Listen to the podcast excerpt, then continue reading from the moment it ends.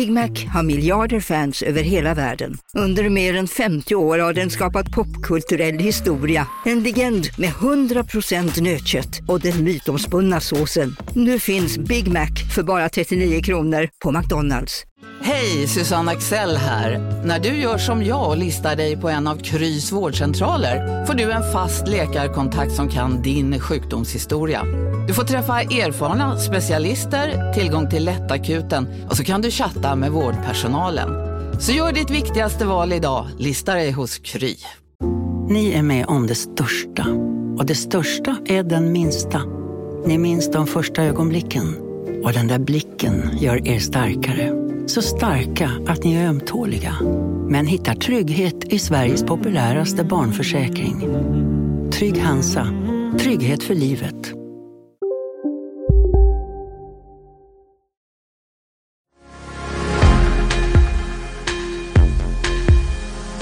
Min personlighet, eller den författarperson och den journalistperson jag var, eh, betraktades inte eh, som kontroversiell rent generellt av medieetablissemanget.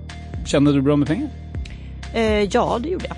Absolut. Mm. Så jag hade ju en del uppdrag kvar som sen drogs tillbaka och sen har jag inte fått några nya Alltså i Sverige fungerar det på det här sättet att man skapar ett drev kring en person för att få den att uh, verka omöjlig och att man också genom guilt by association får den att nästan bli giftig. Jag hade inte helt koll på vilka som skulle vara där. Uh, däremot så tycker jag att den här ängsligheten som präglar svensk offentlighet, att man inte kan vara i samma rum för att någon har någon gång skrivit någonting eller tyckt någonting eller har en viss politisk åsikt. För mig är inte det intressant. Um, Ja, alltså nu ska du liksom sätta dit Nej, mig på detta. Jag, jag frågar Nej, helt äh... ärligt och helt nyfiket var dina gränser går. Någonting som jag ångrat? Nej, jag kan inte ångra saker i mitt liv. Det var en gång en barnboksförfattare som vid sidan av det också skrev romaner, som var en efterfrågad gäst i debattsoffor och en flitigt anlitad krönikör i en mängd olika tidningar. Hon var känd som sex och relationsrådgivare bland annat i Sveriges Radios P3 och i Veckorevyn. Men för några år sedan så stöttes Katarina Janouch plötsligt ut i kylan. Detta efter att hon uttalat sig allt mer kritiskt och radikalt om invandring och om ett Sverige som hon menade hukar under en våt filt av politisk korrekthet. Hur går den svenska utstötningsprocessen till? Vad är det som gör att dömda narkotikabrottslingar och våldsverkare kan tas in i den mediala värmen igen, medan personer som Janusz blir kvar ute i kylan? Och hur ser hon själv på de uttalanden och de handlingar som gjorde att hon hamnade där?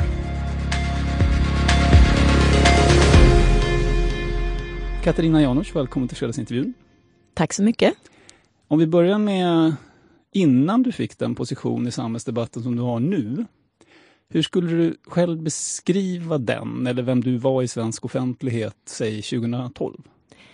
Åh, um, ja, jag var ju då författare och journalist och eh, även opinionsbildare i viss mån. Eh, en person som skrev mycket om eh, sexualitet, relationer, föräldraskap men även missbruk, eh, feminism, kvinnofrågor Ja, lite allt möjligt faktiskt. Eh, ja, jag var en sån här eh, kändis som man bjöd in till tv-soffor och eh, debattprogram och eh, det gjorde man ju också för att jag var rätt så lättpratad kan man säga och för att jag alltid eh, sa vad jag tyckte och tänkte.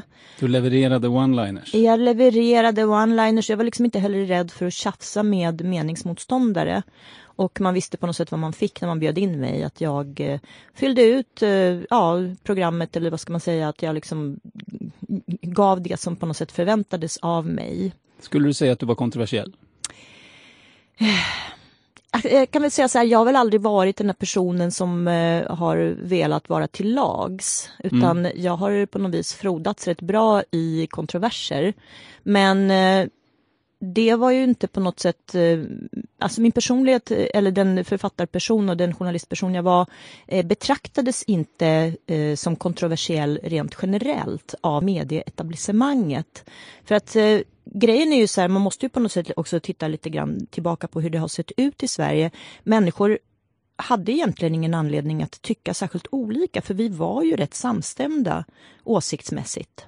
Mm. Förstår du hur jag tänker? Ja, Alltså, vi eller hade- åtminstone framstod det så. Ja, alltså vi kunde ju tycka lite olika höger-vänster men vi hade inte så olika syn egentligen på hur samhället skulle skötas. I alla fall inte i mina ögon, inte som jag upplevde det. Och jag Nej. själv tyckte inte heller kanske att det fanns så mycket problem egentligen som man var tvungen att på något vis gå ut och strida eh, mot. Eller, alltså, Det fanns liksom inte frågor som på det sättet som, så att man skulle liksom få alla människor mot sig. Skulle du beskriva det som att, samhälle, att du upplevde att samhället var på väg i någon slags rätt riktning då i alla fall?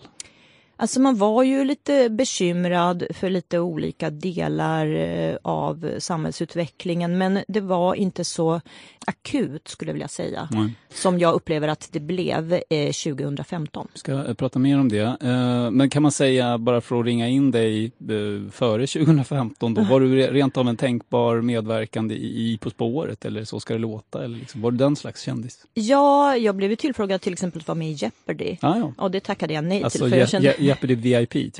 Jeopardy VIP typ. Och eh, även lite andra sådana här kändislekprogram. Mm. Men eh, jag har inte riktigt trivts i de eh, sammanhangen så att jag tackade nej. Däremot så var jag programledare för något som heter Singeljakten till exempel. Just det. Så att jag var ju med mycket i TV4 eh, och i de här, ja, lite alla möjliga underhållningsfamiljeprogram och sådär. Mm. Så att jag var liksom ingen problematisk person som att man kände att om jag är med så kommer människor liksom reagera negativt. Nej. Sådana personer fanns det ju redan innan. Vem var det på den tiden, höll jag på att säga, om vi pratar så här 2010-talet? Ja, alltså eh, Sverigedemokraterna har väl Ja, ja. alltid... Ja, Jimmy Åkesson var inte med i Så Jimmy. Åkesson var kanske inte tillfrågad att vara med i Jeopardy VIP. Men eh, ja, människor som... ah, Jag vet inte, jag var väl inte riktigt medveten om den här politiska kartan. Jag ska säga, vad jag vill lägga till är att jag Mm. var faktiskt ganska opolitisk och jag tyckte att politik var rätt trist. Vad röstade du på? Törs du, Eh, vill du säga det? Ja, men jag har alltid röstat på Moderaterna. Ah, okay. Ända- Även då, så att säga. Mm. Då ja, jag har aldrig röstat någonting annat än moderater Nej. när jag har varit eh, ja, Nej. i vuxen ålder så att säga. Förutom sen jag blev besviken på Reinfeldt, men det är en annan historia. Mm. Eh, hur var det med kändisfester då? Sådana här som man- du vet, man blir fotograferad eh, bredvid någon i Hänt Extra och så står det så här och författaren Katarina Janouch kom dit med sin Robert. Typ. Ja, eh, vadå? Ja, men det var ju massor med sånt. Det var mycket inbjudningar. Ja, det haglade ju inbjudningar. Det var filmpremiärer, det var mingel och det var bokmässor och det var allt möjligt. Gick du på Fester. sånt? Jag gick mycket på sånt. Jag är ju väldigt social person och jag Mm. tycker att det är kul. Ehm, ja, det är ett trevligt sätt att, att, att träffa folk också. För man, det var ju många människor som jag kände som eh, rörde sig i de där kretsarna. Och det var ju Mm. mediemänniskor, författare, journalister, skådisar, musiker, ja men alla möjliga. Jo, jag tror jag förstår ungefär. Ja. Hur, kände du bra med pengar? Eh, ja, det gjorde jag. Mm. Absolut. Mer än nu? Ehm, ja, det kan jag säga. Mm. Det gjorde jag. Definitivt. Du var inte bara en del av kändisetablissemanget då. Du gav faktiskt emellanåt också uttryck för den typ av kanske åsikter som är lite karaktäristiska för svenska kändisar. Eh, den här tweeten hittade jag till exempel från maj 2014 då du hyllade ett agerande som väl får sägas vara lite tveksamt ur demokratisk synvinkel. Så här lät det. Idag, 14 maj, stolt över brevbärare mot rasism som vägrar dela ut SDs valsedlar. Bra jobbat postiljoner! Mm. Vem var det som talade där? Var det, var det kändisen som sa det som förväntades av henne liksom för att få ryggdunk eller var det faktiskt djupt känt av dig där och då? Nej men alltså jag var väl lika hjärntvättad som många andra i att eh, SD var någon slags eh, nazistparti. Och eh, jag tror inte jag tänkte så himla mycket utan det var bara någonting man skulle tycka. Det var ett sån mainstream-åsikt ungefär som att eh, eh, för mycket socker är inte bra för hälsan. Utan jag reflekterade inte så mycket över det. Och sen när det, det var, jag kan säga så här, den där tweeten har jag verkligen fått äta upp många gånger. Jag har Ja. även förklarat mig och jag har faktiskt även till och med bett om ursäkt för den i ett blogginlägg. Men eh, jag tycker givetvis att det är helt förkastligt eh, att eh, agera på det sättet. För det har jag ju förstått, men jag förstod liksom inte riktigt det då. Jag hade på något sätt ingen anledning att reflektera över att det skulle vara fel. Utan Inte ens jag... det odemokratiska i att vägra dela ut ett partis valsedlar. Nej men, eh, nej, men jag, nej men jag tror att vi var många som var på något vis eh, eh, påverkade. Det var, det var faktiskt lite grann som en påverkansoperation. Man var väldigt påverkad av det allmänna trycket att man skulle tycka att det var dåligt. Mm. Och jag rycktes med i det. Och jag kan se hur de där krafterna faktiskt funkar när man blir eh, som en grupp som dras med i någon slags eh, massrörelse. Mm. Och är man inte tillräckligt eh, kritisk och observant så är det ganska lätt att man rycks med i det. Jag kan se en fara i det åt alla håll och kanter. Mm. Att man väldigt starkt känslomässigt påverkas i någonting som man egentligen inte har någon större insikt i.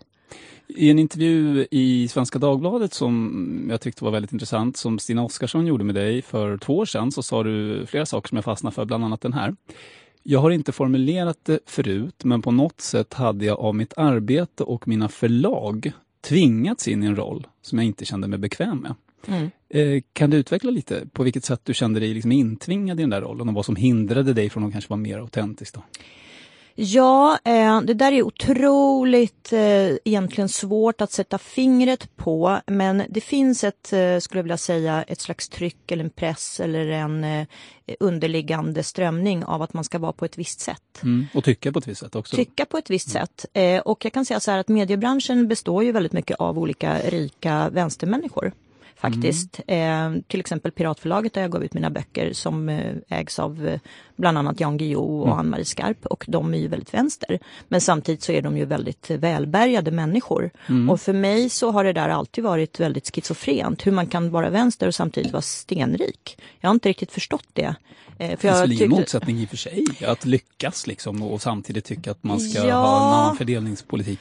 Ja fast jag tycker att man liksom eh, på något sätt så hade jag intrycket av att de där människorna låtsades vara någonting som de inte var. Man, mm. man, eh, det är liksom, blir slags fake vänster fast egentligen är man inte alls, man lever inte som man lär. Nej, och hur, lever man, man, hur lever man som man lär om man råkar vara rik, till exempel bästsäljande författare men ändå till vänster? Hur skulle man leva då? Jag tycker man engagerar sig mycket mer i de som har det svårt. Jag mm. tycker man ger, eh, man kanske donerar pengar, man kanske arbetar ideellt, man försöker verkligen göra rätt för sig. Man mm. glider inte bara ovanpå och eh, iklär sig åsikter för att eh, framstå som fin Men jag och tänker god. just Guillou som exempel. Jag vet ju inte, jag har inte kollat det, men han låter ju förstå ibland att han ger, eh, men han kanske inte vill göra någon jättestor affär av det. Blir man finare för att man ger och berättar om det än om man så diskret ger till olika välgörande ändamål?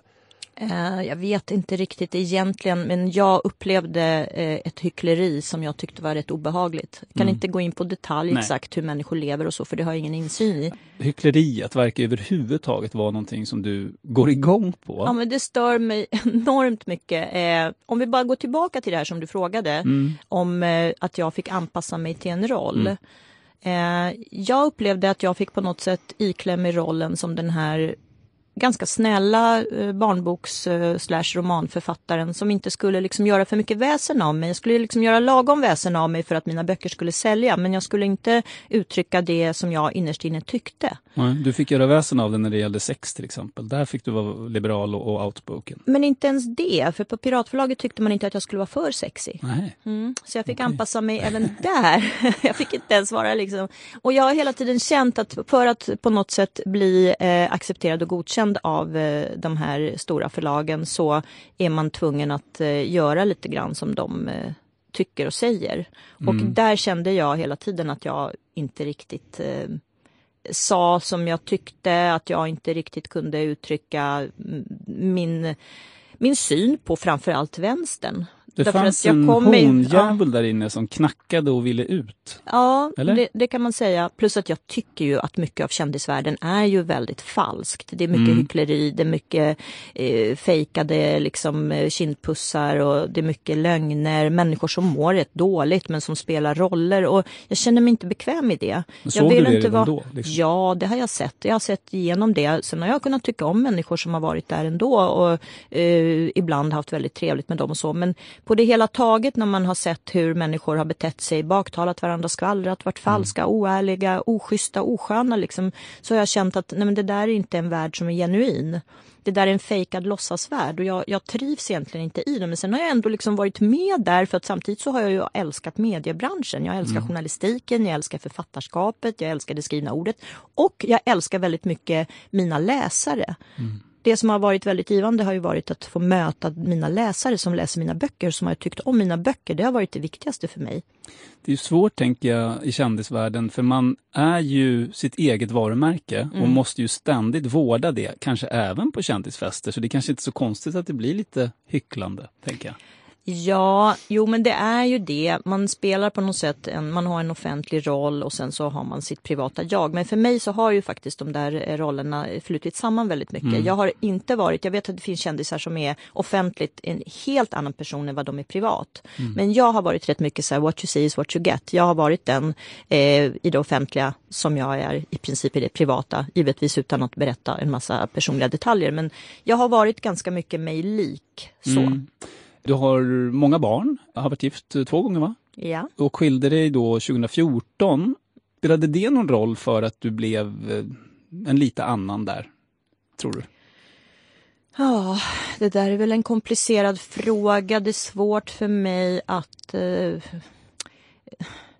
alltså det är väl svårt för mig att egentligen eh, dra några paralleller i liksom skilsmässan och eh, i, ja, med mitt eh, yrkesliv. Men man kan väl kanske säga så här att eh, lite sammanföll det kanske med någon slags 50-årskris. Mm.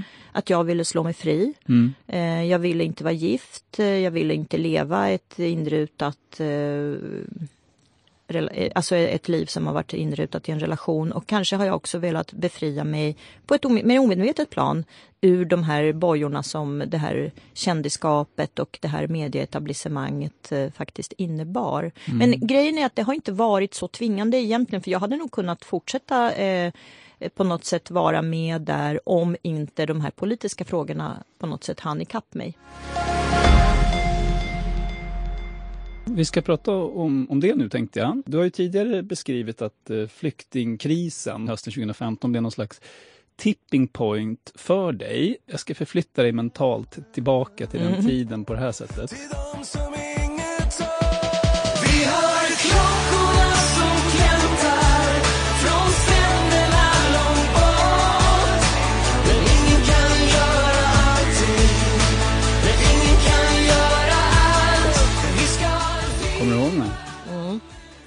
Var väl, eh, vad heter han, vi, Mikael Wiehe i en sån här debattsituation att han skulle, alltså programmet Debatt i SVT där, han, där den här låten spelades upp. Var det, kanske var där den spelades första gången, det är mer än vad jag vet. Men det här var ju Hela Sverige skramlar i september 2015, mitt under den brinnande flyktingkrisen där mm. kändiseliten hade samlats då för att eh, hjälpa till och, och donera pengar eller att folk skulle skänka pengar. Så. Yes, och där satte jag aldrig min fot.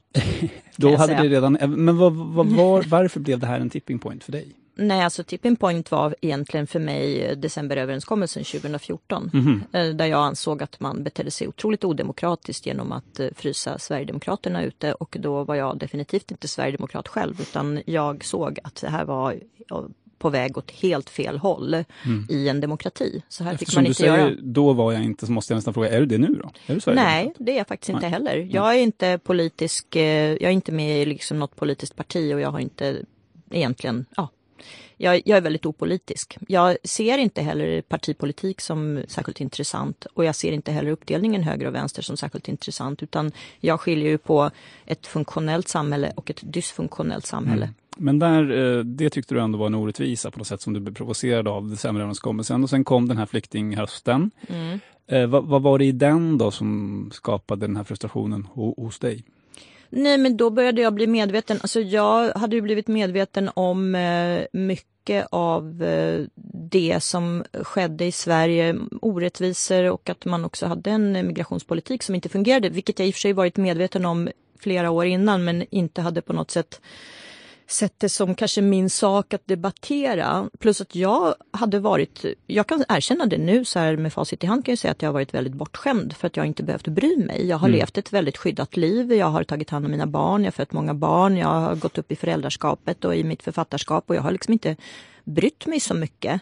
Men eh, också när, då när man tittar tillbaka och du säger ja men skilsmässan 2014. Kanske är det så att när barnen också blev äldre och jag kände kanske att mitt författarskap hade mättat mig på ett sätt. Kanske att jag sökte någonting annat att engagera mig i. För jag har ju alltid mm. engagerat mig i olika saker som jag ändå har känt att jag har brunnit för. Så. Mm. Men du behövde inte men, bry dig då sa du, men nu kände du att du behövde bry dig. Ja, vad, vad var jag, skillnaden då? Nej, men jag såg att det var alldeles snett. Jag såg att det var någonting som var fel som pågick. Jag kände det väldigt, väldigt starkt och jag har många gånger känt så i olika situationer att men, det här som sker, det här är inte rätt. Mm. Och vad var det specifikt som du så, tyckte att det här är inte rätt? Jag såg att det var många män som kom till Sverige och som jag förstod att det här var inte egentligen riktiga flyktingar utan det här var en slags eh, massaktion av män som hävdade att de var barn fast de inte var det. Och du tänker på framförallt de från Afghanistan? Då, jag eller? tänker på Afghanistan men jag såg också att det var mycket som hände, alltså otryggheten i eh, terrorismen, det som började påverka Europa mycket. Jag såg också att man, eh, alltså attackerna mot kristna hade ökat. Jag följde utvecklingen i Syrien med oro, kriget där. Mm. Eh, men jag såg också att Sverige stod väldigt naivt och på något sätt eh, tillitsfullt i det här och att den signalpolitiken man skickade ut i världen att Sverige, det var fritt fram och alla kunde komma till Sverige, alla var välkomna hit.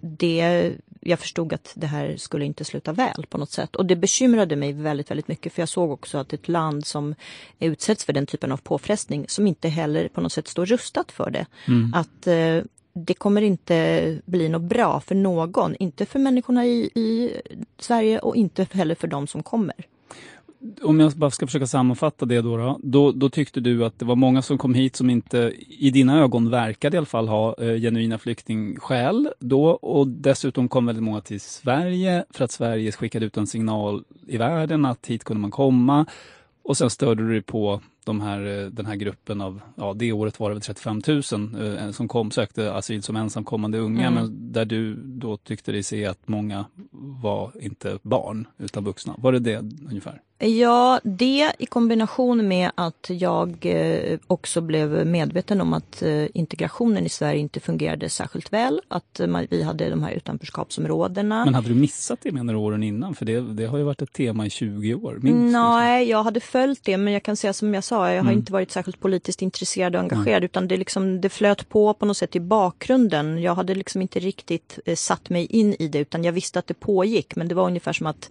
det inte är in my backyard miljard och då behöver inte jag bry mig. Precis så som mm. jag tror många fortfarande tänker. Mm. Jag tyckte inte att det angick mig riktigt, vilket man kan ha olika åsikter om hur man kan bli så världsomvänd. Men jag säger att jag levde i förnekelse eller att jag helt enkelt inte hade tid eller energi eller kraft eller ork eller intresse att bry mig om det. Mm. Utan eh, jag hade ju engagerat mig långt tidigare i och för sig. Jag hade ju varit med i eh, Glöm aldrig Pela och Fadime föreningen. Jag gick på de galorna. Jag skrev också om hedersvåld och jag noterade också debatten som var så pass skev mm. att vänstermänniskor på något sätt menade på att det här fick man inte prata om för då var man rasist och man hävdade att det fanns något som hette hedersvåld.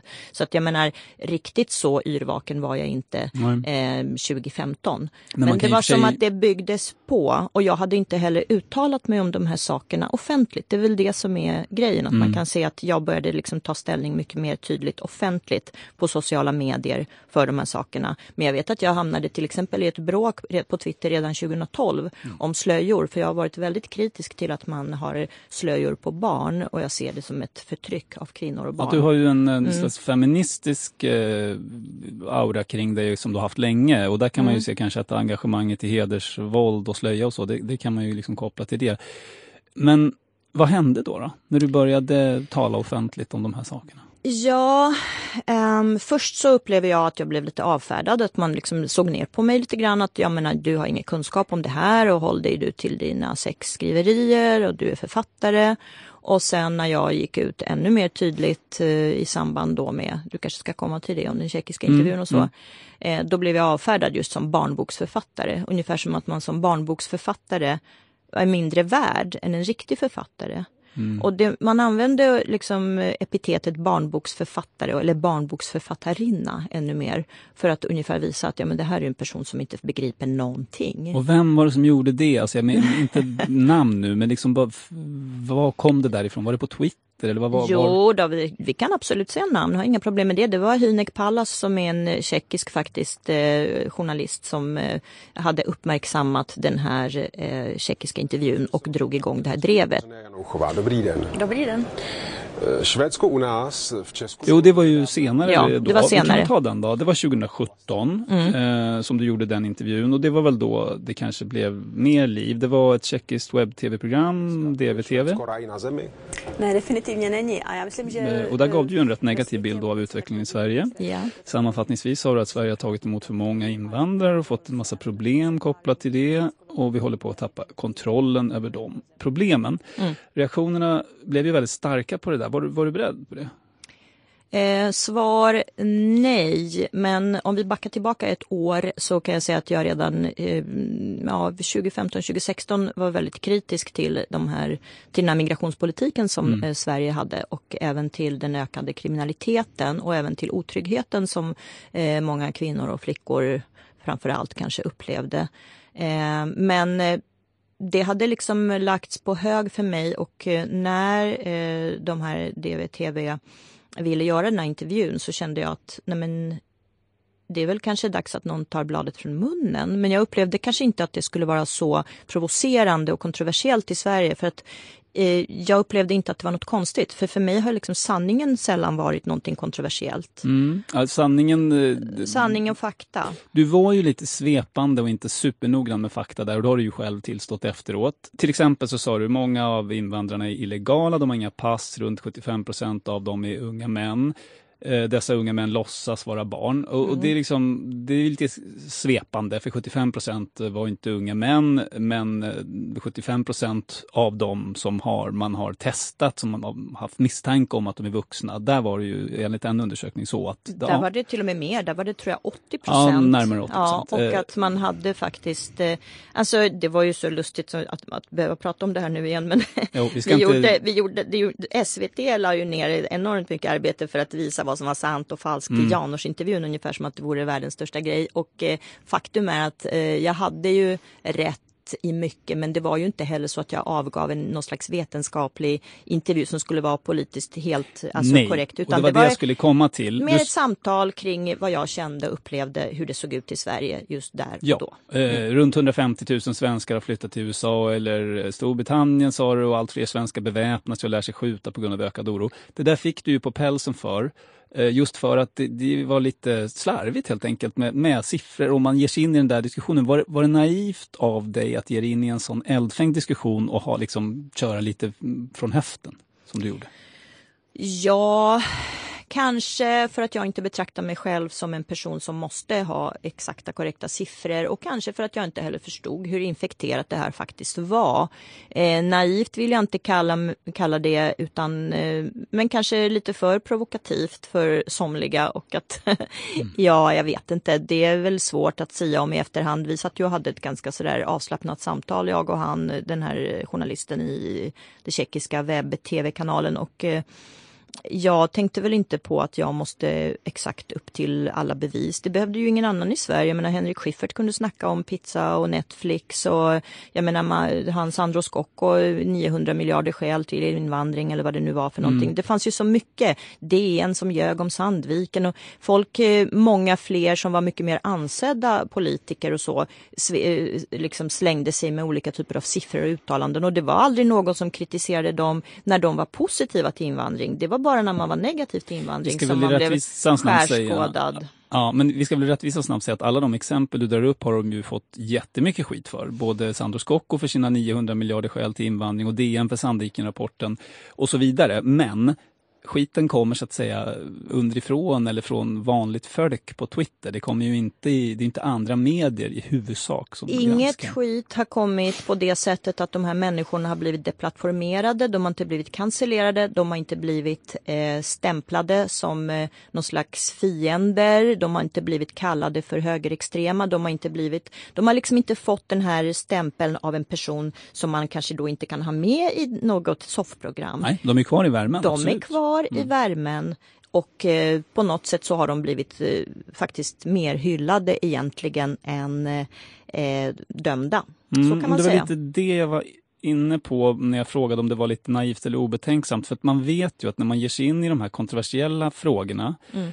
Du, du var själv förvånad över att SVT liksom gör sig omaket och översätta hela den här tjeckiska intervjun. Du, var ju liksom inte en politiker, du var en vanlig Nej. människa. Ja, men ändå ja. så ansågs det då vara så viktigt att Mm. lägga krut på. Mm. Och jag har sett många andra exempel på det. DN hade till exempel en exempellös jakt på någon svensk-amerikan som ställde upp i Fox och pratade om Sverige. Han var en vanlig snubbe Ja, som hette Nils gud. Bildt och de, jag tror de ägnade flera dagar åt att liksom eh, misskreditera honom då för att han hade sagt ungefär liknande saker som Absolut, du gjorde. absolut. Och frågan är, eftersom det här delvis den här intervjun handlar om den här processen så att Mm, säga, att mm. man blir utstött. Mm. Vad beror det där på, tror du?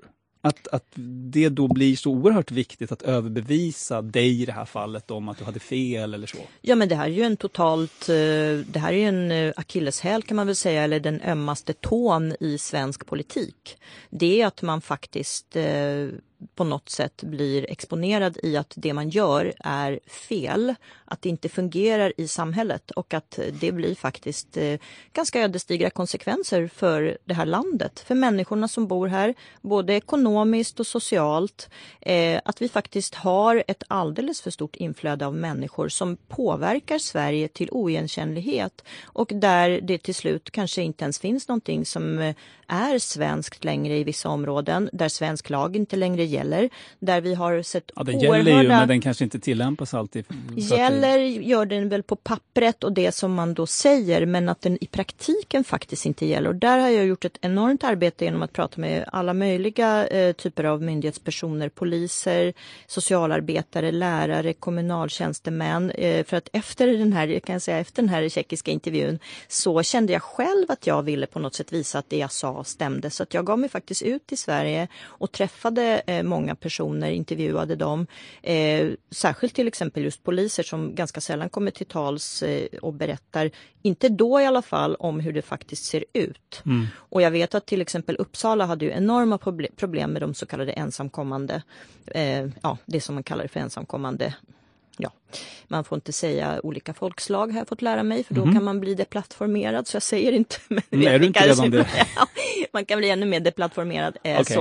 Nej Men- men, strunt samma. Men, eh, så att jag gav mig faktiskt ut för att kartlägga eh, lite. Jag hade först hade jag otroligt stora ambitioner att jag skulle egentligen kartlägga allting. Men, Mm. men sen insåg jag att som ensam person så jag hade inte de resurserna, jag hade inte den kraften för det var ett enormt arbete. Men jag fick i alla fall eh, en del fakta kring hur det såg ut och det jag såg det var en rätt eh, deprimerande eh, insikt i att det jag hade sagt i den här intervjun det var egentligen bara en västanfläkt av hur det faktiskt ser ut. Men det du säger är att man blir deplattformerad då, eh, eller du blev det, för att du sa eh, som det var, menar Mm, du? mm. Och att människor inte tål då att höra det. Alltså det är ju svårt att Nej, men jag begick ett, en slags kardinalsynd i Sverige. Man får inte säga eh, det här som alla egentligen innerst inne vet och anar och känner på sig och kanske tycker. Men man säger inte det för man håller god ton. Man håller sig i, inom åsiktskorridoren för att inte skapa dålig stämning. Och man, eh,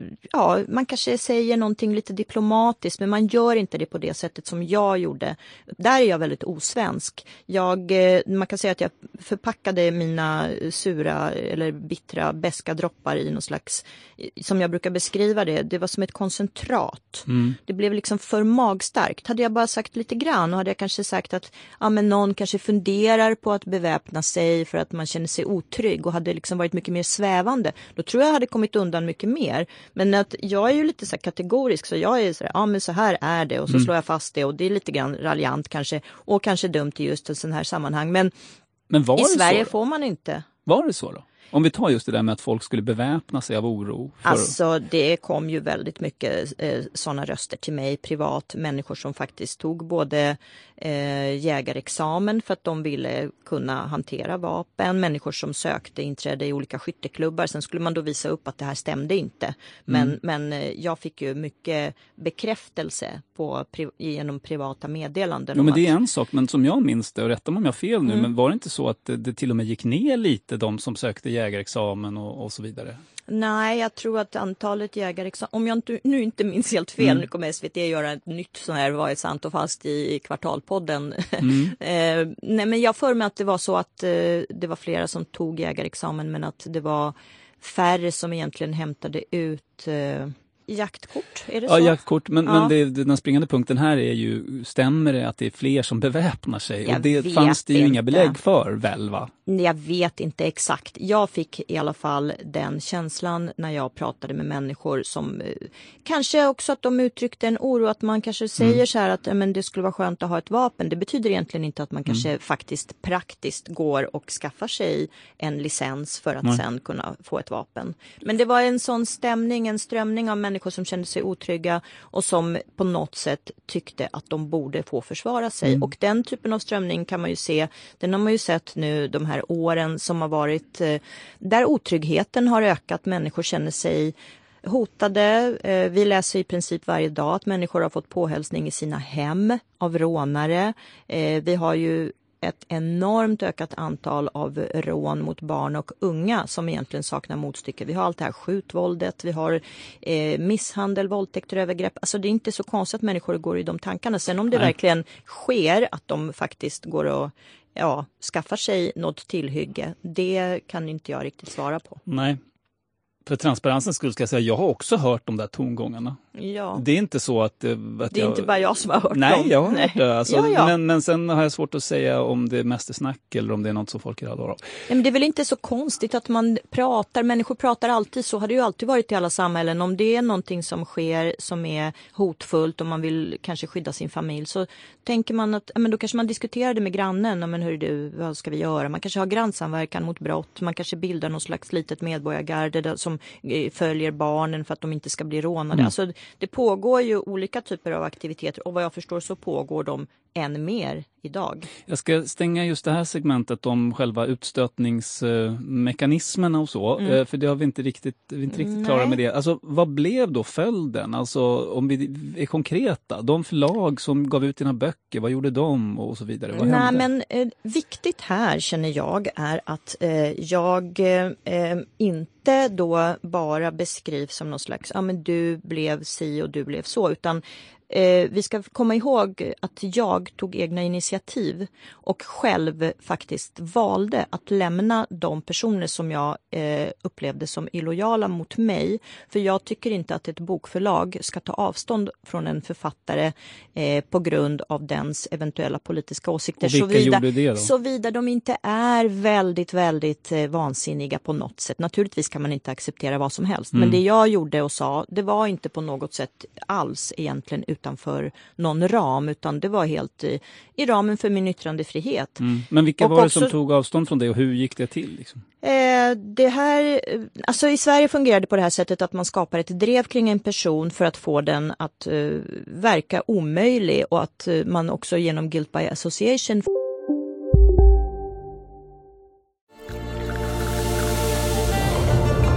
Välkommen till Maccafé på utvalda McDonalds restauranger med Baristakaffe till rimligt pris. Vad sägs om en latte eller cappuccino för bara 35 kronor? Alltid gjorda av våra utbildade baristor. Hej Sverige! Apoteket finns här för dig och alla du tycker om. Nu hittar du extra bra pris på massor av produkter hos oss. Allt för att du ska må bra. Välkommen till oss på Apoteket. Hej, Synoptik här. Livet med glasögon ska vara bekymmersfritt. Därför får du 30% på alla glasögon när du väljer Synoptik All Inclusive. All service ingår alltid. Välkommen till Synoptik. Får den här personen att nästan bli giftig så att andra personer ska känna sig obekväma att eh, stå bredvid den här personen och att man då inte gärna vill associeras med den här personen för då är det som att den här personens tankar och åsikter spiller över på en. Alltså inte ens ges ut på samma förlag till exempel? Nej, till exempel. Eh, Men det som händer då att de här stora eh, mediala plattformarna som Dagens Nyheter och SVT, att de ringer runt till personer som har med den här giftiga personen att göra, som Mm. till exempel ett bokförlag. Och så frågar de så här, här, tar du avstånd eller tycker du att det här är okej att den här Mm. personen eh, skriver på det här viset eller uttrycker de här åsikterna? Och då är ju alla väldigt rädda i Sverige, eh, framförallt i kändisvärlden och i medievärlden och man, man vill liksom inte vara den här personen. Man vill inte vara en bråkig person, man vill inte vara en obekväm person, man vill inte vara en person som andra tycker kanske är, är, är konstig eller kontroversiell. Och då blir svaret eh, någon slags automatisk reaktion som jag eh, ser att man säger så här, nej nej, vi, vi ger ut det här men vi står absolut inte bakom det här, ungefär som att man Mm. själv eh, riskerar att bli beskylld för att ha de här åsikterna. Eh, jag tycker ju att eh, det har ju traditionellt inte alltid varit så. Jag vet till exempel Bonniers har ju stått upp för, vad jag förstår, till exempel, ja, Ja, Strindberg, Strindberg. om om det nu var de som gav ja, ut honom. men- ja, jo, jag tror att det var Mm. det. Och att man då har sagt att nej, men han har sina åsikter, han är författare. Och jag anser ju att för kreativa människor, författare Mm. och konstnärer så kanske det borde vara lite högt i tak. Men det, Det, är blev lite det invecklat inte. här, för svaret på frågan är egentligen så här. Det, det skapades ett drev mot dig, säger du. Det skapades ett drev och man kontaktade Ja. mina förlag för att få dem att eh, på något sätt eh, dreva mot mig och ta också. avstånd mot och ta dig. avstånd. Och då surnade du och eh, Och skapade det ett gjorde eget... de. De tog avstånd Ja. och de kontaktade också mig privat och ifrågasatte mina tankar och åsikter och tyckte att jag betedde mig olämpligt. Och då Mm. kände jag att de var illojala och då tänkte jag så här, nej men ett förlag som inte står upp för mig som författare, vad ska jag var- varför ska jag ge ut mina böcker där? Mm. Så att jag valde själv att bryta med eh, framförallt Piratförlaget.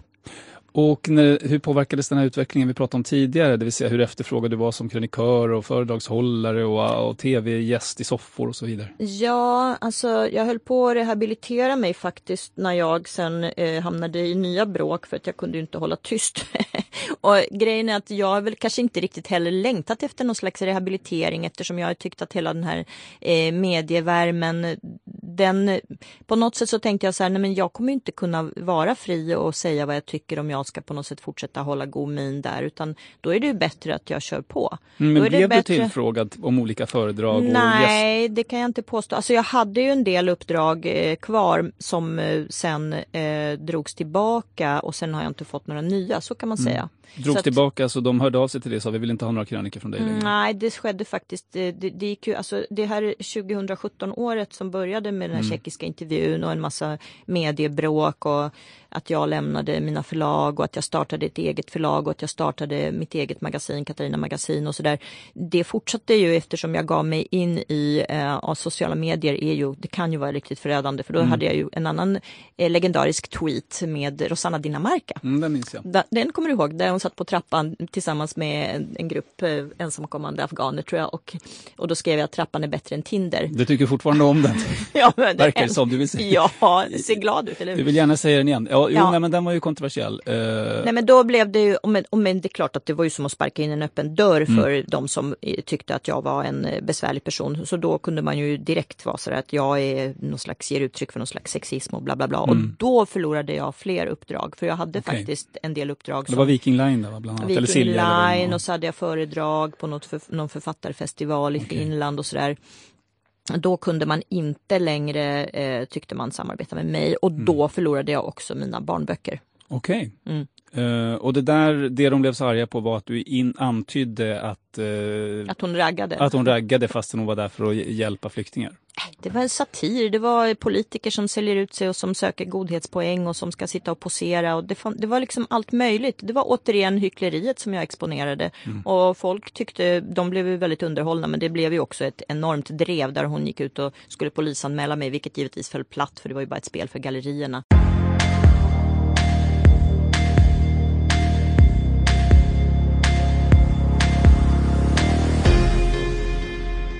Du lyssnar på Kvartals fredagsintervju, en av de poddar som fått en stor och trogen publik. Något som vi både är stolta och glada över förstås. För utan er är vi ingenting. Något vi kanske lite mer sällan säger är att utan de bidrag som vi kontinuerligt får från er som är läsare och lyssnare av Kvartal är vi heller ingenting. Så jag vill framföra ett varmt tack för de gåvor som hittills har givits till oss från er och utan dem skulle vi på Kvartal inte kunna fortsätta göra det som vi gör idag. Och jag kan försäkra att vi vänder på varje krona för att se till att vi inte slösar med de pengar som ni helt frivilligt har gett till oss för att vi ska göra god journalistik. För dig som vill ge ett bidrag ska det vara så enkelt som möjligt. Gå in på kvartal.se gava och så väljer du något av alternativen där. Du kan stödja oss med ett belopp varje månad. Du kan bli licensinnehavare där tanken är att du ska knytas lite närmare till oss, även om pandemin har satt vissa hinder i vägen för det just nu. Eller så kan du bara swisha ett engångsbidrag. Kvartal.se gava alltså. Nu går intervjun med Katarina Janouch vidare med frågor om hur noga hon är med sanningen och med i vilka sammanhang hon uppträder. Om jag får lägga fram en hypotes till dig då, mm. nu. Ett tungt skäl till att du kritiserar så hårt är, och det här är min tolkning, att du har kombinerat med att uttala dig om kontroversiella ämnen med en ganska slarvig hantering av fakta. Vad tror du om det? Nej, eh, det är klart att, eh, att man kanske inte hade 100% fakta, vilket jag inte anser att jag eh, är skyldig att ha. Eh, Därför att jag kritiserar en samtid som jag inte tycker fungerar och som eh, faktiskt påverkar mig negativt. Som kvinna, som medborgare, eh, som person som lever i ett land som alltmer blir trasigt. Men du ger ju ut en tidning till exempel, eh, som ja. du själv säger, Katarina ja. Magasin. Ja. Jag tar bara några exempel från de senaste månaderna på grejer som du skriver där. Mm. Så ska vi testa dem lite. Så här skriver du till exempel. Sverige har destabiliserats på ett oroväckande sätt och tryggheten är nu ett minne blott. Det ekonomiskt starka Sverige vi en gång hade kan vi bara nostalgiskt drömma om. Mm. Då tänkte jag, nu kollar jag det här då. Mm. Eh, ja, Sverige har inte rasat ekonomiskt, som du skriver. Eh, BNP per capita, den är ganska stabil, eller den har ju fördubblats på 30-40 år. Mm. Eh, och också relativt andra länder så ligger vi ganska lika, ungefär i samma då, liga som vi gjorde då, lite sämre. Mm. Och då tänker jag så här, det du skriver, att det är bara ett minne blott, det ekonomiskt starka Sverige. Tänker inte du att det är ju fel då? Liksom? Nej men det är inte det, för den där statistiken kan man ju hålla på och eh, framställa på olika sätt och jag vet att det finns ju eh, till exempel så vill ju då eh, socialdemokratiska politiker framställa det som att vi är fortsatt starka. Samtidigt så kan du se att vi har eh, flest antal fattigpensionärer i Europa.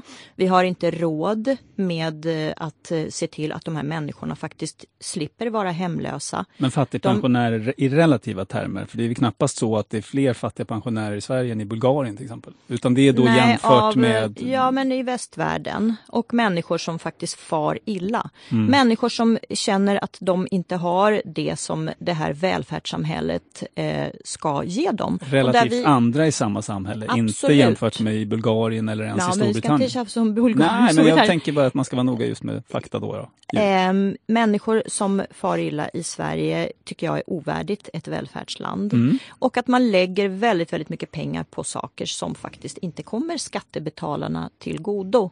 Mm. Där vi har ett av världens högsta skattetryck men där man faktiskt hela tiden försämrar det som samhällskontraktet är till för att ge medborgarna. Till mm. exempel polis, skola, vård, eh, socialtjänst, försäkringskassa, arbetsförmedling. Vi har 460 mm. 000 arbetslösa. Alltså det är ju allt det där är relativt. Naturligtvis finns det företag företag som är otroligt rika och där man har otroligt mycket pengar. Men hur är det för den lilla människan? Och det är hela tiden den lilla människan som är i fokus för mig. Det är medborgarna, det är mm. folket. Mm. Jo, jag, jag fattar, ser men, att men, folket far illa. Men nu pratar vi lite grann om hur du hanterar fakta då. Vi tar ett annat exempel. Ja, fast det där tycker jag inte, där måste jag faktiskt eh, säga ifrån. För där väljer du att kritisera mig eh, på den punkten och du kan ha en poäng, men jag har också en poäng, så där är det oavgjort. Ja, där får lyssnarna avgöra själva. Det är ju idén med den här podden. Eh, Absolut. Nästa citat. Jag undrar hur Märta Stenevi med gott samvete kan sitta och anklaga Sverigedemokraterna för kvinnohat när konsekvenserna av hennes partis politik förvandlat ett tidigare tryggt och välmående Sverige till ett land där det snart är mindre tryggt än i en brasiliansk favela och där man måste duscha kallt för att hennes sjuka parti saboterat vår elförsörjning. Då bara testar jag här nu. Hela ja. Brasilien inte bara favelerna, utan hela Brasilien. De har 305 mord per miljon invånare. Sverige har 11. Eh, och duscha kallt har jag i alla fall inte behövt göra. Har du det? Inte än, men Nej. utvecklingen är helt klart på väg dit när SVT uppmanar medborgarna att inte dammsuga och att äta kallskuren mat. Är det så det ska vara i ett eh, industriland? Är det så i ett välfärdssamhälle? men jag är ju inne på att- Frågan är det. Är det så Jörgen? Jag är ju inne på att du överdriver något våldsamt här. Nej, det gör jag jo, inte. det gör du väl ändå? Om du Nej. säger att det är snart mindre tryggt än i en brasiliansk favela. Ja, men är väl det en- är ju ett sätt. Det är ju, det, jag är ju dock en författare så att jag använder mig av språket för att skapa bilder. Okej. Och faktum är så här att Sverige har en väldigt, väldigt negativ våldtäktsstatistik. Ja, så är det. Sverige har en väldigt negativ utveckling och eh, Sverige har också flest antal skjutningar. Om man jämför, alltså unga män i Sverige lever otroligt farligt. Statistiken visar att det här utvecklingen i Sverige, den är ju verkligen hårresande. Det tror jag väldigt många kan skriva under på. Nu var jag mer intresserad av hur du använder, eh, hur du använder Men det där, är språket. inte heller, det där är också en, en känslomässig eh, fråga därför att man kan ju se det där eh, och så kan man ifrågasätta det. Man kan absolut smula ner det till minsta beståndsdel. Men samtidigt så är det någonting som visar att eh, det faktiskt eh, förhåller sig på det sättet. Okej, Att, eh, eh, jag tar i ett miljö... sista. Nej men vänta, vänta, vänta nu. en sak till. Ja, okej. Bara observera. Miljöpartiet har faktiskt eh, ett litet extremistparti som har haft alldeles för mycket att säga till om i både fråga om hur man sköter Stockholms stad och hur man sköter övriga Sverige och eh, det finns många som faktiskt eh, har farit väldigt, väldigt illa på grund av deras politik. Den är fullständigt världsfrånvänd. Det finns Och, många som eh, inte gillar Miljöpartiet, absolut. Men, Nej, men de har varit dysfunktionella för Sverige. De har skadat Sverige och jag står fast vid det och det är tyvärr fakta. Ja, det tycker du. Eh, och så tar vi nästa. En rubrik på en av dina texter lyder så här. I Socialdemokraternas Sverige gynnas främst utländska kriminella män medan kvinnor, barn och gamla far allt mer illa. Det är lite samma där. Alltså, gynnas främst Mm. Ja. utländska kriminella män. Ja, och vet du vad? Jag har läst så många domar och förundersökningsprotokoll där de här utländska kriminella männen, ibland pedofiler, ibland mördare, ibland eh, alltså, alltså det är det mest, jag kan säga så här, den läsningen är faktiskt så pass brutal att man mår dåligt. De här människorna, de får de får så proportionellt låga straff för det de begår. De utvisas inte ur Sverige, man daltar med dem. Man hävdar att de eh, riskerar att fara illa om de skickas tillbaka. Om man hittar på, upplever jag, att eh, det ena efter det andra för att de här människorna ska få vara kvar i Sverige åtnjuta faktiskt svensk välfärd på olika sätt, sociala omsorger. Vi ska inte prata ens om alla dessa terrorister från eh, Syrien, eh, Islamiska staten som man har släppt in i Sverige som man håller på att dalta med medan man skickar ut eh, skötsamma invandrare som kanske bara har glömt att redovisa några timmar. Jag vet inte ens, det finns allt möjligt Mm. hemskt. Allt det du säger Allt tror, jag, det. tror jag en hel Mm. del människor kan, kan så att säga, känna igen som Mm. tycker så, att Mm. man borde ha hårdare straff Mm. och så. Men det är ju inte samma sak som att säga att vi gynnar kriminella utländska Jo, män vi- framför barn och gamla. Det är ju ett vä- lite vulgärt eh, uttalande. väl? nej, jag tycker inte det och jag tycker att man måste använda sig av språket för att faktiskt nå fram till människor också. Och det är dessvärre så att de här människorna gynnas av det här kravlösa samhället som inte verkar kunna ta itu med eh, kriminella och sätta dem på plats och se till att samhället blir tryggt för kvinnorna, för barnen och för gamlingarna som på- rånas på sina guldkedjor, vid sina rollatorer, knuffas omkull vid bankomaten. Men vad är det för samhälle som tillåter det pågå? Det är inte bra. Point taken. Och jag gör inte det här för att vara en besserwisser. Men Eh, ut- lite. Ja, lite då. Men för att det ska mynna ut egentligen i en större fråga. Ja. Eh, hur tänker du som offentlig person kring ditt ansvar när du då sprider en bild som ändå tycks komma lite mer från magkänsla än från en faktabaserad verklighetsbeskrivning. Är du inte orolig att du liksom uppviglar folk på lite felaktiga grunder? Hetsa folk till saker? Mm, nej, men det där är ju en eh, klassisk vänsterretorik egentligen där man pratar om allting som inte direkt eh, är tillrättalagt för att på något sätt gynna den regering vi har som hets och hat och hit och dit. Alltså man, eh, du faller ju på något sätt in i den fällan själv och använder det här mot mig för att på något sätt sätta dit mig. Nej, jag försöker Och- inte sätta dit dig, utan jag försöker på ett lite. nyfiket sätt att se hur du förhåller dig till det här som, Ja, som du du- kritiseras för av många, inte bara här och nu. Ehm, Många, eh, alltså det beror ju på vilka du pratar med, många tycker att det är väldigt befriande och tycker det är väldigt skönt Absolut. och ser det som en eh, lättnad att få läsa och eh, höra någon som faktiskt står upp för den lilla människan som i allt eh, större omfattning glöms bort av makthavarna i Jo, men Sverige. hur viktigt är det att det man skriver Jag är tänker- sant? Liksom? Nej men jag skriver, ja, du har ingen osanning där, jag har inte skrivit någon osanning. Ja, det får ju andra bedöma då. Jag tog till Andra- exempel Ja, det kan de få bedöma, absolut. Eh, jag skriver inga osanningar. Däremot så eh, tycker jag om att ehm, jag vill gärna nå fram. Jag tycker inte att vi har en eh, ärlig debatt idag. Jag tycker inte att politiker talar sanning. Jag tycker att alltså, de politiker som har väldigt höga löner och som har ansvar för Sverige står och ljuger i program i tv, människorna rakt upp i ansiktet. Det tycker jag är fruktansvärt. Att jag som en liten medborgarjournalist skriver eh, starka känsloladdade texter, det betraktar inte jag som ett problem överhuvudtaget. Okej, men det som jag pratade om här, risken för att uppvigla folk. Mm. En händelse som anknyter lite till det temat, det är ju när en grupp människor gav sig ut i Stockholm för att misshandla Men marockanska... vänta nu, vad menar du med uppvigla? Nu måste vi bara backa här Nej, lite jag ställde ju en fråga om, om, om att skriva på det här sättet som jag då menade att du gör, om du inte ser ett ansvar som offentlig person, att det finns en risk att man så att säga uppvigla folk Mm. genom att beskriva verkligheten eh, som värre än man eh, kan be belägga att den Mm. är. Eh, Och då så tänkte jag bara ta det här exemplet om den, du vet, de marockanska gatuungdomarna Ja. när det blev en slags mobb som var på jakt efter att spöa upp dem. Mm. Där skrev du några tweets som man, som man ändå kan fundera över. Eh, Till exempel den här, första gången i mitt liv är jag team huliganer. Mm. Och så skrev du, är det inbördeskrig mot det marockanska gatuslödret på G? Frågetecken. Mhm. Hur gick tankarna när du skrev det där?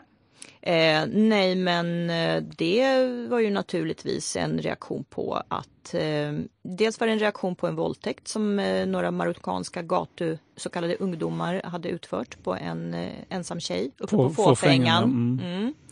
Eh, dels så var det ju en reaktion på att ja, allt fler blev rånade, kände sig otrygga i Stockholm och att det var väldigt oroligt, bland annat vid Centralen. Och att människor faktiskt hade fått nog av det. Och jag var en av dem som hade fått nog av det. Jag var en av dem som också hade eh, känt mig otrygg och eh, ja, tyckte att det varit väldigt olustigt att röra mig i de eh, delarna av stan kvällstid. Mm. Upplevde att stan hade tagits över av människor som inte hade några goda avsikter. Men, men bara för att där- stanna upp här en liten kortis. Mm. Alltså, risken med det här, det är ju uppenbart att risken är att det går en, väl, en kille som sköter sig väl hem från gymmet och ska hem och göra sina läxor och ser lite marockansk ut och, och blir misshandlad av ett sånt här gäng. Nej, men det tror faktiskt inte jag. Jo, men det måste du... Nej. Det var ju till och med en polis som blev misshandlad av dem där för att han blev tagen eh, för en, en av dem. En Eh, civilpolis. Ja, jag kan inte svara på det. Däremot vill jag eh, gå tillbaka till det du säger att så här, är du inte orolig för att uppvigla? Ja. Då säger jag så här, jag anser att det är mitt ansvar att människor faktiskt eh, får upp ögonen för det som pågår och att de också eh, tar tillvara på sina demokratiska rättigheter och på sin yttrandefrihet och säger ifrån och att man inte bara accepterar. För jag skulle vilja säga så här, uppviglingen det är inte det stora problemet i Sverige idag utan det stora problemet i Sverige idag är att människor håller tyst om det som är fel. Människor som far illa, människor som avskedas från sina jobb på grund av sina politiska åsikter. Att man låter någonting som man kallar för värdegrund styra. Jag vet eh, människor som har blivit nekade som till exempel har sökt sig till polisen som har haft eh, bästa resultat i alla tester men som inte kommer bli antagna till Polishögskolan på grund av att de har fel värdegrund. Det betraktar jag som ett enormt problem. Det är en sak. Cancelleringen, deplattformeringen, Mm. det här med att man förföljer människor för deras politiska åsikters skull. Det här med att vi har en public service där man dikterar för människor vad de ska tycka och tänka och där man inte alls följer sitt uppdrag om saklighet Mm. Men det jag frågade om nu var ju egentligen just det här som jag ändå kan tycka är lite speciellt att heja på en mobb som är ute efter att spöa upp folk som ser ut på ett visst sätt. Liksom. Det, det var väl ändå... Eller, Jag hejade inte på en mobb. Nu ska, vi vara, nu ska du Ja. hålla dig till sanningen för nu gör inte du det. Och nu är är det du som slirar på sanningen. Jag har inte uppmanat att man ska ge sig på människor med ett visst utseende. Däremot så har jag eh, varit, eh, man kan väl säga så här, jag har väl varit förstående för att man kanske vill skydda människor från kriminella. Det är vad det handlar om. Det har naturligtvis inte handlat om att man ska ge barn med en annan melatoninhalt än den eh, medelbleke svensken stryk. Naturligtvis Men det stod inte. det marockanska gatuslöddret. Exakt, och det marockanska gatuslöddret det står jag 100% för, för att det var ju de kriminella som har gjort stan osäker. Mm. Så att det är de som, att man skriver slödder, ja, jag är ledsen, det är ju precis vad det är. Det är ju människor som har tagit sig hit för att begå brott och för att eh, eh skada andra människor. Okej, vi, lämnar, vi lämnar den där delen och så lägger jag fram hypotes två då. Eh, eh, ett skäl till att du har blivit kritiserad tänker jag, kan det vara för att du inte alltid har varit så noggrann med i vilka sammanhang och tillsammans med vem du uppträder? Ett uppmärksammat exempel är demonstrationen på Mynttorget mot FNs globala ramverk om migration. Du talade ju där på torget, omgiven av en hel del högerextremister och personer med, med kopplingar till nazistiska kretsar till och med. Hade du inte koll på att de skulle vara med eller tänkte du, jo det har jag men jag struntar i det? Eh, jag hade inte helt koll på vilka som skulle vara där. Eh, däremot så tycker jag att den här ängsligheten som präglar svensk offentlighet, att man inte kan vara i samma rum för att någon har någon gång skrivit någonting eller tyckt någonting eller har en viss politisk åsikt. För mig är inte det intressant. För mig är den större bilden mer intressant. Eh, jag kan tycka nästan att det är eh, jag tycker det är oroväckande att man så tydligt positionerar sig och att det är så kallade liberala skribenter hit och dit måste hålla på att ta avstånd offentligt för att själva framstå som så duktiga. Jag är väldigt, väldigt trött på det. Men det finns väl gränser um, även för dig, tänker jag. Jag menar, någonstans går väl den gränsen när, när du tänker sig att den här personen som står och, och heilar och ropar gas Nej, alla. men det var ingen Nej, som det säger jag heilade. inte. Nej, men det här nu... är, vänta, vänta, vänta, vänta. Det här är ett Nej, exempel Jörgen. för att hitta din gräns. Jag säger, om det vore så att någon gjorde det, då skulle väl även du dra öronen åt det och känna att nej, men här vill jag inte vara. Men nu var det ett dåligt exempel och det där exemplet Jörgen, det är exakt så som DN drevar genom att säga en sån här sak för att eh, dumförklara och för att faktiskt brunmåla och smutskasta en person. För du vet mycket väl att jag inte skulle stå på samma Nej. scen som någon som heilar och skriker Heil Hitler. Det tror jag inte, men då tar Nej. vi ett exempel så blir det väldigt tydligt. För Han Mm. som klev upp på scen efter dig, Mm. eh, Mikael Eriksson. Eh, jag lyssnade på vad han sa Eh, och, och tog ut en bit för att höra vad du tycker om det, för jag tycker att det här är, är rätt anmärkningsvärt. Vad vi har upplevt med de senaste årens massinvandring är inget annat än en krigföring mot det svenska folket. En invasion med andra medel än militära. Aldrig tidigare har en angripare gått in för att byta ut hela det svenska folket. Genom ett angrepp medelst massinvandring utan militära insatser har man lyckats hålla den svenska garden nere. Väl här kan många illegala invandrare beväpnas med insmugglade vapen. En del av dessa vapen har redan kommit till användning. Men trots frånvaron av uniformerad trupp, stridsvagnar och bombflygplan så är angriparen lika fullt en främmande makt. Den heter Vatikanen och leds av påven och kardinalerna. I bakgrunden styr dock ett antal urgamla bankirfamiljer understödda av jesuiterna.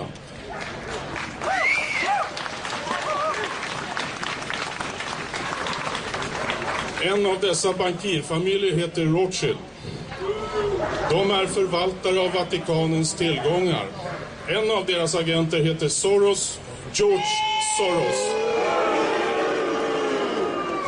Ni har hört talas om honom. Det här är alltså det som skedde precis direkt efter att du hade Mm. pratat. Eh, Och, och det jag hör här, det är ju det är ju nazism i princip. Det är liksom en konspirationsteori där judiska bankirfamiljer eh, liksom konspirerar mot resten av världen. Jag vet, du kanske har något annat, men då, min fråga är egentligen så här. Med facit i hand, var det här ett bra sammanhang? Ehm, ja, alltså nu ska du liksom sätta dit mig Nej, på detta. jag, jag frågar Nej, helt eh, ärligt och helt nyfiket var dina gränser går. Jag kan säga så här, det första av det som den här personen som jag faktiskt inte vet vem han är. Ja, Mikael Eriksson heter han. Ja, jag känner inte honom, det är ingen vän till mig. Nej. Som jag, jag, har ingen, jag har aldrig haft någon kontakt med honom personligen.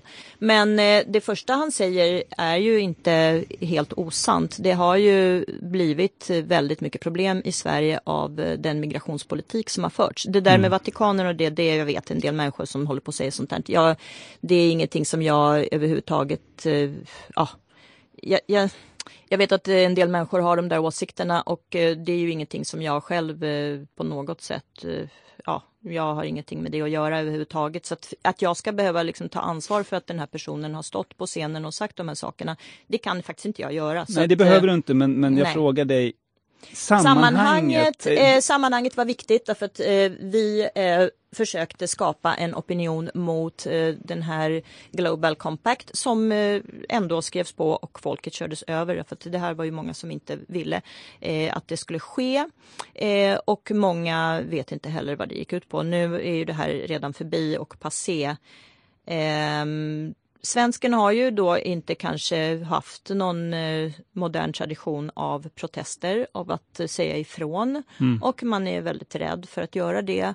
Man är också väldigt rädd för att bli sammankopplad med människor som man är orolig för, hur de framstår, vad de är, vilka de är. Eh, jag tycker att det är tragiskt när man ser ett samhälle som eh, befinner sig i en problematisk situation. Jag tror att man måste våga ställa sig upp och prata även om det kanske innebär att man riskerar att stå bredvid någon som man egentligen inte tycker är en bra person. Och jag tyckte det var viktigare att prata än att eh, kontrollera exakt alla som var med då i det sammanhanget. Så även om du så att säga hade vetat att det här skulle vara sammanhanget och du hade vetat att det här talet skulle hållas så hade du ändå gjort likadant? Det hade jag absolut. För jag vet att det parti som du var lite engagerad i då, Medborgerlig Samling, de hade ju skickat ut eh, till medlemmarna att gå inte dit för att där kommer det vara identitärer som de kallade det och såna här. Ja, det Ja, alltså att man för- håller på och ska eh, vara fin i kanten och tycka att man inte ska gå dit och när man faktiskt ska visa eh, sin oro och sitt missnöje med det som pågår i samhället. För mig så är det inte direkt läge att vara eh, fin i kanten så. Det, jag Okej. tycker inte det. Okej, men finns det, om jag säger så här, det lät ju på dig som att ja, det finns gränser för mig. I vilka sammanhang eller tillsammans med vilka jag kan uppträda. Om de inte går här, så att säga, vad går de då?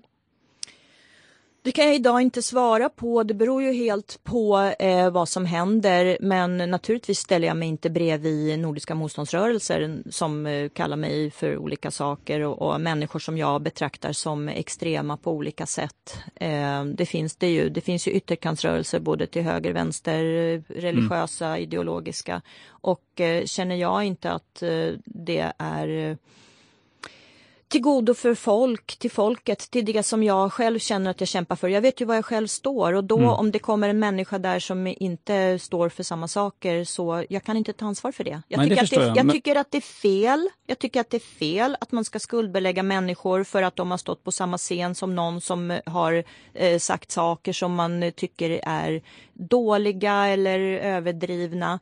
Därför att jag tycker att det är ett sätt att dribbla bort fokus från det som är sakfrågan, nämligen det vi protesterade mot. Vi protesterade mot att Sverige befinner sig i en negativ samhällsutveckling och att det är dysfunktionell politik som förs, att vi har politiker i Rosenbad som inte bryr sig om folket. Mm. Det var viktigt för mig och det var därför jag gick dit och jag skulle kunna ställa mig upp idag och eh, ha exakt samma typ av tal till folket. Sen om det kommer någon annan och ställer sig på en scen efter mig som jag inte har någon aning om, jag kan inte ta ansvar för det. Jag tolkar dig som att ja, det finns gränser eh, för mig, men de går inte riktigt här.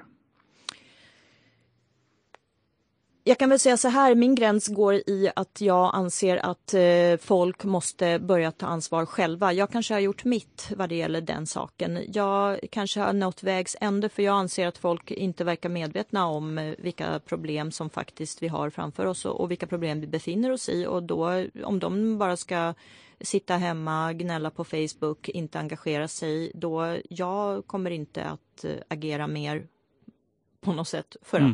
att tolk- varför, varför ska jag offra mig och få en massa eh, negativt från medier som bara utnyttjar den här situationen för att faktiskt tysta röster som har någonting att säga. Jag, jag eh, tolkar dig som att du tycker situationen är akut och testa en grej. Är du, är du en person, skulle du själv beskriva dig som en kontrollperson med ett stort eller litet kontrollbehov? Eh, nej, jag är en ganska så flexibel person som eh, eh, kontroll och kontroll. Jag vill väl eh, precis som de flesta andra gissar jag ha ett samhälle som eh, ger det som är utlovat, som håller det kontrakt som man har mellan medborgare och stat. som ger människorna valuta för deras skattepengar, som ser till att det fungerar, att vi har ett schysst samhälle där man respekterar varandra, där det är tryggt, där det är eh, ja, helt enkelt ett fungerande samhälle. Det är vad jag vill ha. För en grej som jag associerar till är så här, brist på kontroll. Eh, att du har en känsla av, och många med dig skulle jag tro, att det här galopperar iväg. Jag känner inte att jag riktigt vet vad som ska hända här. Eh, är det en faktor tror du? För att du upplever situationen som akut? Ja, hörru du. Det är en lite diffus fråga. Ja, jag är medveten om det. Jag försöker hitta en slags eh, bra... Eh, men om jag ska ge dig ett svar på det så upplever jag att våra politiker inte vet vad de håller på med. Och det tycker jag är oroväckande. Den, alltså jag ser att politikerna inte har någon kontroll, vare sig det gäller eh, kriminaliteten, migrationspolitiken, eh, hanteringen av coronapandemin. Eh, alltså det är många olika saker, aspekter i samhället som inte fungerar. Att man lovar saker som man inte håller, att vården inte fungerar. Ehm, ja, att det är väldigt mycket som helt enkelt har spårat ur. Men har det inte alltid varit så mer eller mindre? Att, att mm. politikerna har väl aldrig haft järnkoll på utvecklingen eller de har väl lovat saker tidigare som Ja, men inte de ska hållits. åtminstone eh, ge intryck av att de vet vad de pratar om. Men idag känner man att de är helt ute och cyklar. Idag verkar de inte förstå någonting. Vi har en statsminister som inte verkar veta hur internet fungerar. Är det tryggt i ett digitalt samhälle? Du tänker på Stefan Löfven som aldrig hade näthandlat eller? Ja, vad mm. han sa i alla fall och eh. försökte få sympatier för. Och över övrigt en statsminister som lägger sig i vad en författare säger. Jag menar, bara ja, han, en sak. Han, han eh, tyckte ditt uttalande i tjeckisk tv var konstigt. Ja, just det. ja, det tyckte han. Eh, då, innan 2015, för att liksom sluta där vi började, då levde ju du framförallt som författare, skribent och föreläsare, eller levde av det så att säga. Vad lever du av idag? Är det ungefär samma eller? Ja, det är det. Det kan man väl säga. Men eh, skriver du andra saker? Skriver du på andra plattformar? Föreläser du i andra sammanhang? Eller är det... Jag har ju ett eget bokförlag och ger ut mina egna böcker och jag skriver ju också kröniker och jag eh, ja, har faktiskt föreläst en del. Eh, jag har faktiskt, det började komma igång mer med föreläsningarna förra året mm. ungefär vid den här tiden.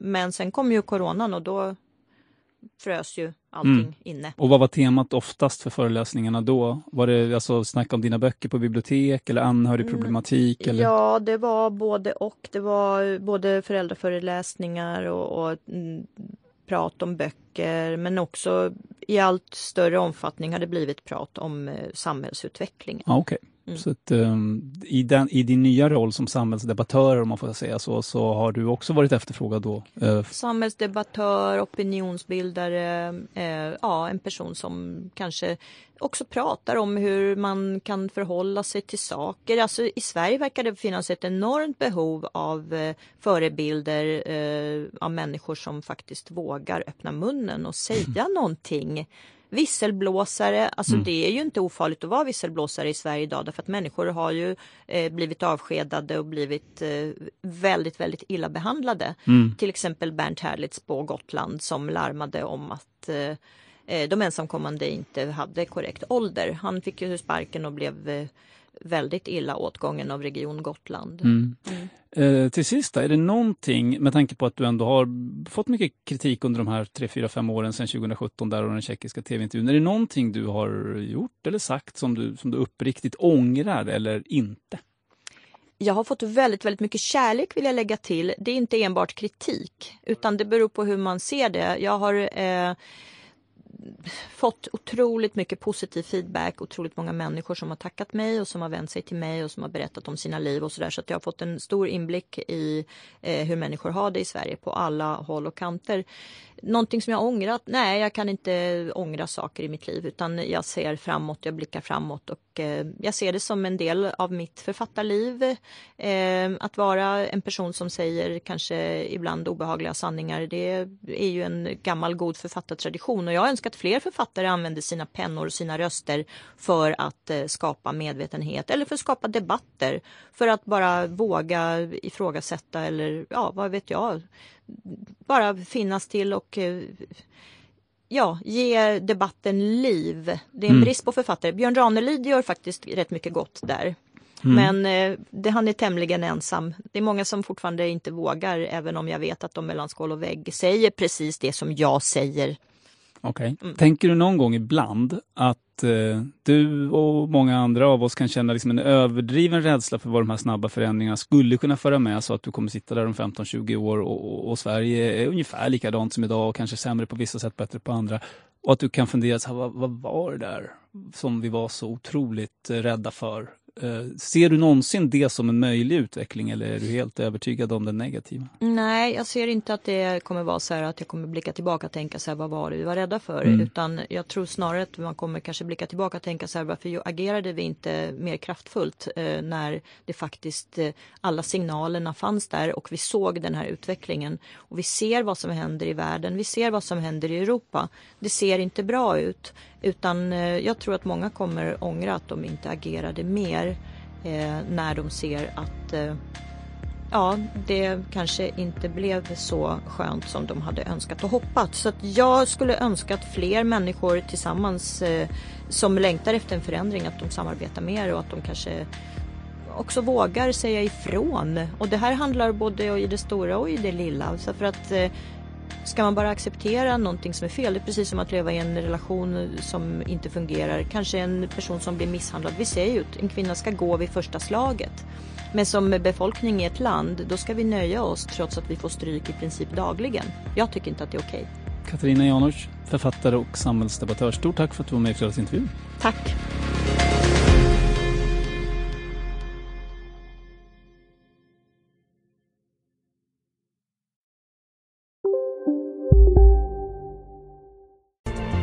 Kurrar i magen och du behöver få i dig något snabbt?